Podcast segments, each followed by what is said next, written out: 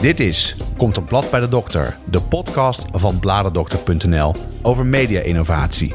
Naast me zit Carolien Vader en mijn naam is Jonas Nouwen.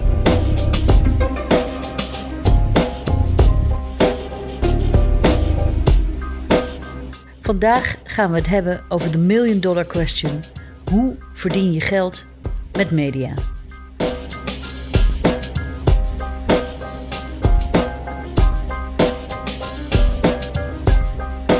De tijd dat uitgevers ter aarde waren voor het verkopen van producten, een boek, een tijdschrift, een krant, hè, winkeltje spelen, want daar komt het op neer, die tijd is voorbij.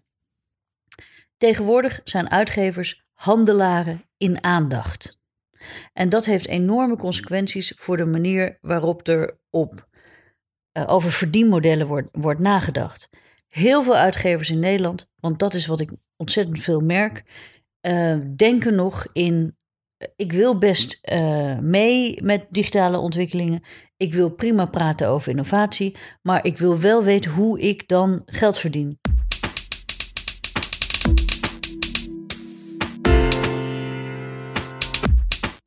Om de vraag te beantwoorden: waar willen mensen voor betalen? Hoe verdien je er geld mee? Je eerst naar het volgende moet kijken. Ik denk namelijk dat, er een, dat je een onderscheid moet maken tussen twee soorten nieuws. Tussen snel nieuws, tussen wat is er gebeurd, wat gebeurt er nu. Uh, eigenlijk het uh, teletext van, van vroeger, waar nog heel erg veel mensen naar kijken. Ja, hoe is het mogelijk? Hè? Hè, dus de pagina 101, wat was dat ook alweer? Ja, geen idee. 501? Ik ben het helemaal kwijt. Ja, 101 volgens mij. Dat levert heel veel traffic op, dat levert heel veel bezoekers op. En dat is eigenlijk, zijn eigenlijk de onderwerpen die als je de volgende dag de krant leest, allemaal hebt gelezen. Al de kleine blokjes aan de zijkant, alle dingen van wat gebeurt er nu. Ja, want als je het niet op, als je het, uh, niet op nu.nl hebt gezien, of op de Telegraaf of op, op um, NOS, dan hoor je het wel omdat mensen erover praten op Twitter of op Facebook. Met het snelle nieuws zijn alle uitgevers zijn bezig om dat uh, door te vertalen in hun, in hun uitingen online. Hè, dus uh, de term die heel erg hip is tegenwoordig is online first. Hè, dus al het nieuws wordt eerst op de site gebracht, dan later samengesteld op de, de papieren digital. Digital first. Digital first, ja. Nou goed, heel erg goed hoor dat het gebeurt. Want ja, waarom moet je een dag wachten om interessante verhalen te lezen die je aan het schrijven bent? Zeker als je daar ook gewoon voor, voor betaalt. Maar wat het de hoofdmoot van dat nieuws is, zijn dus die snelle nieuwsberichten. Het snelle nieuws is één ding. Het andere nieuws, en dat is eigenlijk waar iedereen buikpijn van krijgt als men aan denkt dat het verdwijnt, is namelijk het nieuws, uh, de, ja, de achtergrondverhalen, de, de onderzoeksjournalistiek, journalisten die proberen politici aan de tand te voelen, die dingen proberen uit te zoeken. En dat willen we niet kwijt. Panama Papers. Panama Papers. Wikileaks. Dus als je die twee soorten nieuws. Journalistiek, ik zou het journalistiek noemen, want het uh, journalistiek, je hebt snelle journalistiek, dat is het hete nieuws. En je hebt uh, meer de, in, de inhoudelijke journalistiek. En dat is uh, zeg maar het verhalen vertellen, de storytelling. Het snelle nieuws, laten we gewoon even zeggen, dat is nu.nl. Dat koop je in bij ANP of andere nieuwsorganisaties. Daarvan zouden eigenlijk alle kranten moeten zeggen: joh, of ik doe het net zo goed als nu.nl. Dat is echt helemaal niet moeilijk. Maar dat is eigenlijk niet interessant. En dat is ook niet interessant voor adverteerders. Daar ga je heel veel traffic mee halen. Dus daar gooi je het hele banner advertentiemodel overheen. Of je vertaalt dat in programmatic ad buying om er nog wat meer geld voor te krijgen. Ja, maar abonnees krijg je daar niet mee. Nee. Want mensen hebben daar een, nee. een nieuws mee. Daar hebben mensen, in, omdat nu.nl is gratis. Alle kranten geven gratis hun nieuws weg. En je hebt uh, de uh, doelgroep die elkaar uh, die nieuws verslaat op Twitter. of omdat ze er zelf bij zijn. Of omdat ze nieuwtjes melden met hun persoonlijke mening erbij. En het, als, jij, als er een bom ontploft ergens in de wereld, dan weet iedereen het. Ik wil in de journalistiek een onderscheid maken tussen snel nieuws en verhalen. want we hebben het de hele tijd over nieuws. Maar als je bijvoorbeeld kijkt naar, ik noem maar wat, een Vogue of een National Geographic. Daar zit heel weinig nieuws aan. Maar het is echt wel goede journalistieke content. Absoluut. Ja, dus ik wil even weg van het woord nieuws. Dat gebruiken we te veel. Um, Want de nadruk ligt, hoe, de vraag is hoe verdien je geld met content. Je hebt een paywall, je hebt abonnementen, je hebt losverkoop, uh, daar, uh, je hebt uh, memberships, je hebt advertising. Dat, is zo'n beetje, dat, dat zijn zo'n beetje de smaken in de ijskook. Nou, maar laten we er een aantal uitpakken. Ja. Uitpikken waarvan wij denken dat die interessant zijn. Okay. Nou, Welke vind jij de interessantste? Ja, de, de interessantste uh, vind ik uh, membership. Want dat is uh, toch een beetje nieuw aan het firmament. Dat is zeg maar creatief omgaan met abonnees. Bedoel je dus dan membership zoals correspondent het doet? Ja, zoals de correspondent. Okay, ja. maar ik heb hier bijvoorbeeld een voorbeeld. En dat is de Texas Tribune. Dat is een, een krant in het zuiden van Amerika. Um, die, geeft, die heeft een grote online platform waar ze net zoals Volkskrant, NRC, Trouw, journalistiek op cadeau geven. Hebben ze een, een, een, een aparte pagina waarin je je support van je support kan doen blijken. Nou, en, en daarin geven ze een soort menukaart waarop je zelf kan kiezen wat jij prettig vindt. Je kan bijvoorbeeld als enthusiast, dan betaal je 4 dollar per maand uh, en dan zeg je van, nou ja goed, ik ben gewoon enthousiast. Ik, ben een enthousiaste lezer van jullie nieuws. Je kan een activist zijn. Hè, dan betaal je uh, 9 dollar per maand. Of een advocate, dan betaal je 17 dollar per maand. Of een diplomat of een benefactor. Nou, dan lopen die bedragen al heel erg snel op.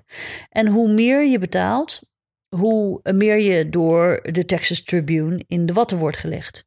Uh, ze hebben een festival bijvoorbeeld. Nou, dan ben je, als je de, de benefactors, die, die tot 500 dollar per maand, uh, per jaar betalen, uh, die, die worden daar verschrikkelijk in de watten gelegd. En die krijgen allerlei privileges. En je ziet dus dat dat membership model, dat schijnt heel goed te werken voor de Texas Tribune. Wat mij ook getriggerd heeft om na te denken over het membership mo model was een quote van Jeff Jarvis tijdens The Next Web. I, I pay for the New York Times. I pay for it gladly. My motive to pay for it is not access to content. Yeah. My motive paying for that is patronage. Yeah. I, I want to be a patron of the New York Times because it matters. Uh, and there are a few publications that deserve that, and there are many others that do not. Hij zegt zelf: ik betaal niet dat uh, abonnementsgeld omdat ik toegang wil tot de content. Dus in principe is het mijn steun voor dit, um, voor dit initiatief. Ja, dit werk. Dat de journalisten hun werk kunnen doen, die inhoud kunnen zoeken. Een steunbetuiging. Ja. Nou, en dat vind ik wel een heel mooie gedachte. Want ik denk dat er ontzettend veel mensen zijn die een abonnement hebben. Niet om de toegang uh, tot content. Niet omdat ze het idee hebben dat ze daarmee een blad of een krant kopen, maar dat zij daarmee hun, hun steun betuigen. Ja. Uh, weet je nog in de tijd dat we dat, dat voor Spotify dat we dat, dat uh, heel veel muziek illegaal werd gedownload? Nooit gedaan. Nee, nooit, nee, allemaal niet gedaan. Maar toen hebben wij vaak uh, de keuze gemaakt: weet je wat, van deze artiest gaan we een CD kopen, omdat we hem Ja. ons geld gunnen. Nou, dat- nou, dat. Wat ik een interessant financieringsmodel vind, is het eh, model van Blendel. Hè, dus het betalen voor aparte artikelen. Eh, ik denk ook dat we, dat we veel minder merktrouw zijn naar bepaalde kranten of bepaalde kleur. En dat we gewoon goede verhalen willen vinden. Dus ik vind dat een heel erg goed initiatief. En ik vind ook dat zij eh, het goed doorpakken, internationaal gaan. Ik ben alleen wel heel erg benieuwd hoe je er nou voor kan zorgen dat, dat genoeg mensen die artikelen gaan lezen, en dat er een beetje omzet komt voor uitgevers om journalistiek, journalisten van in dienst te nemen. Nou, wat ik zo mooi vind aan Blendel is dat Blendel eh, men, eh, gebruikers, grote gro- groepen gebruikers de gelegenheid biedt om dat te lezen waar, mensen, waar iedereen het over heeft. Ja, dat is waar. eh, ja. Bijvoorbeeld. De eh, aan, aan de koffiezetapparaat. i- mensen hebben het aan het koffiezetapparaat over de Linda, want er staat een reportage in over. En dan kan ik eh, even online gaan om het te lezen. En dan ga je online ja, en dan weet je wat er is, maar je hoeft dus niet naar de winkel te hobbelen om een stukje papier te kopen. A, dat, daar heb je geen tijd voor, want je staat op kantoor bij het koffiezetapparaat. En B, je hebt directe toegang. En dat is voor heel veel mensen natuurlijk Ja. eh, ook van belang. Waarom zou je nou wachten tot hij weer op de mat valt? Als je, of waarom zou je eh, eh, vol- tot een volgende editie moeten wachten? Als iedereen het er ergens over heeft, dan wil je het nu hebben. Dan een derde vorm. Een vorm waar de meeste uitgevers nu druk mee bezig zijn. Het is het, het optrekken van een paywall. Eh, hè, dus ehm, je kan het nieuws online lezen, maar daar moet je voor betalen. Eigenlijk een soort van abonnementsconstructie. Ehm, maar wat je meestal dan doen, is dan krijg je eh, tien berichten gratis. En op een gegeven moment eh, moet je daar dan voor gaan betalen. Het FD doet dat, doet dat bijvoorbeeld. Ja. Ik vind dat aan de ene kant vind ik dat interessant en goed. Aan de andere kant merk ik dat ik daar eigenlijk nooit gebruik van maak. Wat vind jij daarvan? Nee, ik maak daar ook geen gebruik van. Ehm, wil natuurlijk niet zeggen of het geen goed model is, hè? want wij zijn Ja. niet. Nou, ik, wat ik heel vervelend vind, is als je op een link drukt omdat iemand. eh, ehm, op, op Twitter wordt je een artikel aangeraden. Dit moet je lezen, het is interessant. En je drukt erop en je, en je, en je komt op een paywall. Dan is er voor mij geen ehm, mogelijkheid. Dan, dan ben ik eigenlijk altijd wel weer vertrokken. Ja. Omdat ik Ja. namelijk even wil kijken. En het even binnenkijken. eh, ehm, ehm, voor, eh, dat is onmogelijk als er een paywall voor staat. Ja, maar dat kan wel, hè? Want de correspondent doet dat dus wel. Die kiest er dus bewust voor om als ik een bericht wil delen, eh, omdat ik het interessant vind op social media, dat jij dat dan kan lezen als ik abonnee ben. Nou, dat vind staat- ik dus heel tof. En, en weet je, dat is, en de grap van dat hele verhaal is dus, dat is hun allerbeste strategie om nieuwe abonnees te werven. Nou, weet je wat ik, ehm, eh, weet je wat ik eh, nog veel beter idee vind? Dat je dus dat artikel mag lezen en dat er achteraf aan je gevraagd wordt: voldeed dit aan de Ja, verwachting? dat is wat, wat Ja? Doet. Voldeed dit aan de verwachting? Ja.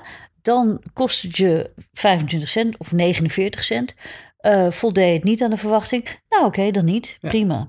Nou goed, dus je ziet al dat je dus met een paywall in staat kan zijn door net dingen wat anders te doen, kan het misschien heel erg gaan werken. Hè? Dus de correspondent geeft het weg gratis, krijgt daardoor heel veel nieuwe abonnees mee. Blendel zegt ook van, oké, als je het niet wil lezen, als je het niet goed vindt, dan eh, ga, betaal, je, betaal je geld terug. Tijdens de Next Web eh, heeft Alexander Klupping verteld hoeveel dat ongeveer is Uh, one of the things we do is we let users ask for their money back if they didn't like a story. So you can How instantly often does that happen? about 10% of the cases. Ooh, yeah, so it's, it's uh, I mean, I, I'd say it's actually little because the Dutch are in, an incredibly greedy people and still it's just 10%. Uh, so yes, I can say Jij hebt het over dat, eh, dat Jeff Jarvis lid is van de New York Times, omdat hij het, hij het steunt. Wat ik onbegrijpelijk vind, of heel raar vind aan zeker onderzoekjournalisten, zeker de Panama Papers, dat ze nog niet begonnen zijn met crowdfunding. Of misschien zijn ze het wel, daar weet ik er niet van, dus dan hoor ik het graag. Maar waar, ik zou zonder enig probleem eh, geld willen betalen aan een groep journalisten om bepaalde dingen uit te zoeken. Ja, lijkt me een prima idee. En dat ik begrijp niet waarom dat nog niet wordt gedaan. En dat is een van de dingen. En er zijn een aantal ontwikkelingen die, eh, die daarop door voortborduren. Eén daarvan is een ontwikkeling van eh, de oprichter van de, van de Pirate Bay. En die, hoe ironisch het ook is, wat die gedaan heeft, die, heeft, die gaat samenwerken met een grote adblocker. Ja, want dat, daar hebben we het überhaupt nog niet over gehad. Maar adblockers nemen, enorm, eh, nemen een enorme vlucht. In eh, Duitsland en Frankrijk, eh, de twee landen, onze twee buurlanden, is het gebruik van adblockers al zo'n 25% eh, van mediagebruikers. En hoe hoger op, opgeleid ze zijn, hoe ehm, groter de kans is dat ze een adblocker hebben. Wat natuurlijk heel Heb veel je wel eens een adblocker geïnstalleerd? ja, ik heb wel eens een adblocker En hoe, geïnstalleerd. hoe was dat? Ja, dat is heel rustig, maar ehm, ehm, Ik heb het ook gedaan. En ik had er heel veel moeite mee, omdat, het, omdat ik heel erg in dit, dit vakgebied zit. En ik vind dat ik dat niet moet doen. Maar ik vond het heerlijk. ja. als Nou, ik en heel eerlijk ben, ik wil denk- ik het, ga ik het gewoon vaker doen. Nou, en ik, ik ben heel erg. ehm, eh, ik denk dat, de, dat uitgevers zich echt eh, gedegen zorgen moeten maken over de, de enorme toename van adblockers. Maar ook eh, dat ze zich af moeten vragen waarom nemen adblockers eh, zo'n enorme vlucht. Ja, want je moet je ook afvragen dat er met, het, met het, het bij elkaar schrapen van, van advertentiegeld zijn er ook keuzes gemaakt die niet altijd in, het, in, in de, de lezer centraal hebben gesteld. Eh, homepage takeovers, eh, ontzettend irritante, ontzettend irritante pop-ups. Ik had er vandaag een. Een van die pop-ups van op de Telegraaf, die braakte de hele pagina. Het was helemaal, je kon allemaal niks meer lezen. Dit maakte die pagina gewoon stuk. Hoe? Verschrikkelijk. Nou, omdat er gewoon, er, wordt, eh, er loopt dan een wat advertentiemodel overheen. Maar dat is dan verkeerd eh, geïmplementeerd technisch. Dus de, de tekst die verdwijnt op de achtergrond. De advertentie gaat er overheen. Kan het hele artikel niet meer lezen. Je kan de advertentie helemaal niet meer zien. En je ergert je kapot aan. Nou ja, goed. En kijk, er zijn een paar dingen. ehm, ehm, uitgevers hebben zich veel te veel in dienst gesteld van eh, adverteerders. En van de wensen van adverteerders voor aandacht. Daarmee is het belang van de lezer op de achtergrond gekomen. Dat heeft niet alleen met irritante pop-ups eh, eh, te maken, maar bijvoorbeeld ook met programmatic ad buying. Waar je tot in de lengte van dagen gestalkt wordt door het paar schoenen wat je een paar weken geleden ooit een keer bekeek. Ehm, en, ehm, maar bijvoorbeeld hele zware video-advertenties die de laadtijd van sites eh, vertragen. Eh, advertenties die je persoonlijke gegevens leegtrekken, zodat je. Nou, kortom, Ja, het allemaal de, geld. het gaat allemaal om geld. Maar, bij- maar de en, de die- lezer, en de lezer is, is echt in een achtergestelde positie Ja. gekomen. En dat is de reden waarom er ontzettend veel mensen overstappen op het installeren van een adblocker. En het, ik heb er maar één simpel antwoord op. Als je het eh, van een afstand bekijkt, hebben uitgevers zichzelf gewoon in de voet geschoten. Maar als je aan die lezers zou vragen, ehm, wil je Panama Papers niet meer kunnen lezen? Zou je niet meer journalisten ehm, op, het, eh, op de, in het binnenhof willen hebben om te zien of iedereen wel goed zijn werk doet als politici? Zou je niet, nou, kortom, hè, de, de lange verhalen, de journalistiek van waarde, oftewel content van waarde. Ik weet zeker dat als je aan mensen vraagt die adblockers geïnstalleerd hebben, wil je, eh, zullen we de, al deze dingen uit de krant halen? Want ja, je, betaalt er niet meer voor. Dan, gaan, dan zou die zeggen, dat wil ik helemaal niet. Nee, ik denk dat eh, zeker die hoogopgeleide doelgroep die masse zo'n adblocker installeert, is dezelfde doelgroep die het belang ziet van vrije nieuwsgaring. Die het belang ziet van onderzoeksjournalistiek. En die slim genoeg is om te weten dat het ook heel erg veel geld kost. Dus, en dat is misschien wel de conclusie van vandaag, er moet een nieuw model komen waarin eh, eh, mensen vooraf kunnen betalen voor onderzoeksjournalistiek, omdat ze een issue van belang aan de kaak willen hebben gesteld, of achteraf bij een heel erg goed eh, verhaal kunnen zeggen: Dit was mij wat waard.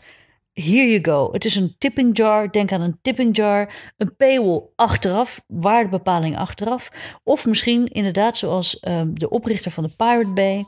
Die is een nieuwe adblocker begonnen. En eh, die heeft gezegd, dit is, je kan die adblocker ehm, ehm, installeren.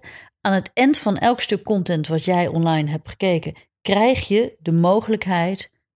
Nee, heb ik het mis? De oprichter van een paar... Wat, wat je zegt is waar. Dus je wil geld wegleggen omdat je bepaalde dingen belangrijk vindt. Dus wat, wat het heet Flatter. Flatter Pro, geloof ik. Ehm samenwerking met Adblocker. Eh, wat Flatter doet, van de oprichter van de Pirate Bay... Die, daarvan moeten mensen vooraf geld eh, betalen. En ze gaan een algoritme maken. Daar gaan ze nu mee beginnen. Dan gaan ze komende half jaar uitzoeken. Het algoritme gaat kijken wat jij interessant vindt. Wat lees je? Hoe ver ga je met lezen? En op basis van je leesgedrag gaat hij een gedeelte van dat geld toewijzen aan de uitgever die dat geschreven heeft. Dus er zit dus ook een bepaald soort, soort, soort van eerlijkheid in. Wat, Maar- een ontzettend, wat, een, wat een ontzettend goed idee.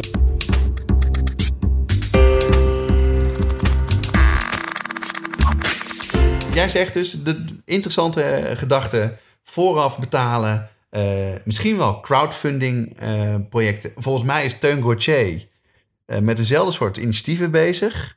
Ja. ja, hij heeft de coöperatie uh, op, op, opgericht.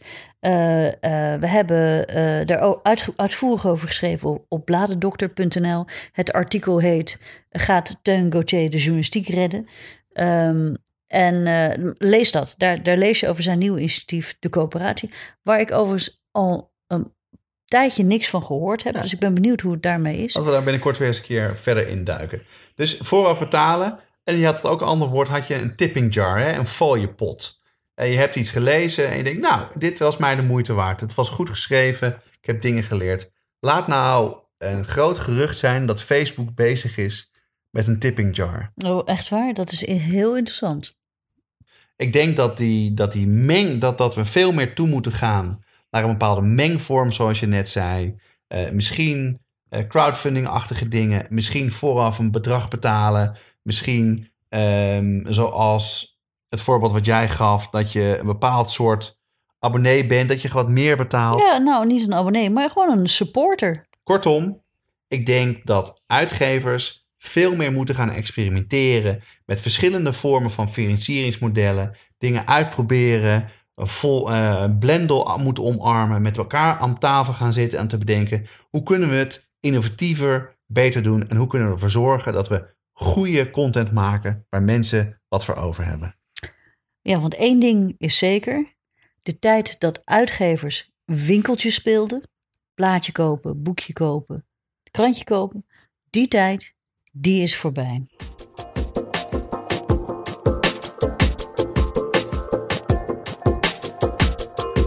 Dit was Komt een blad bij de dokter, de podcast van bladerdokter.nl Dank voor het luisteren. Tot de volgende keer.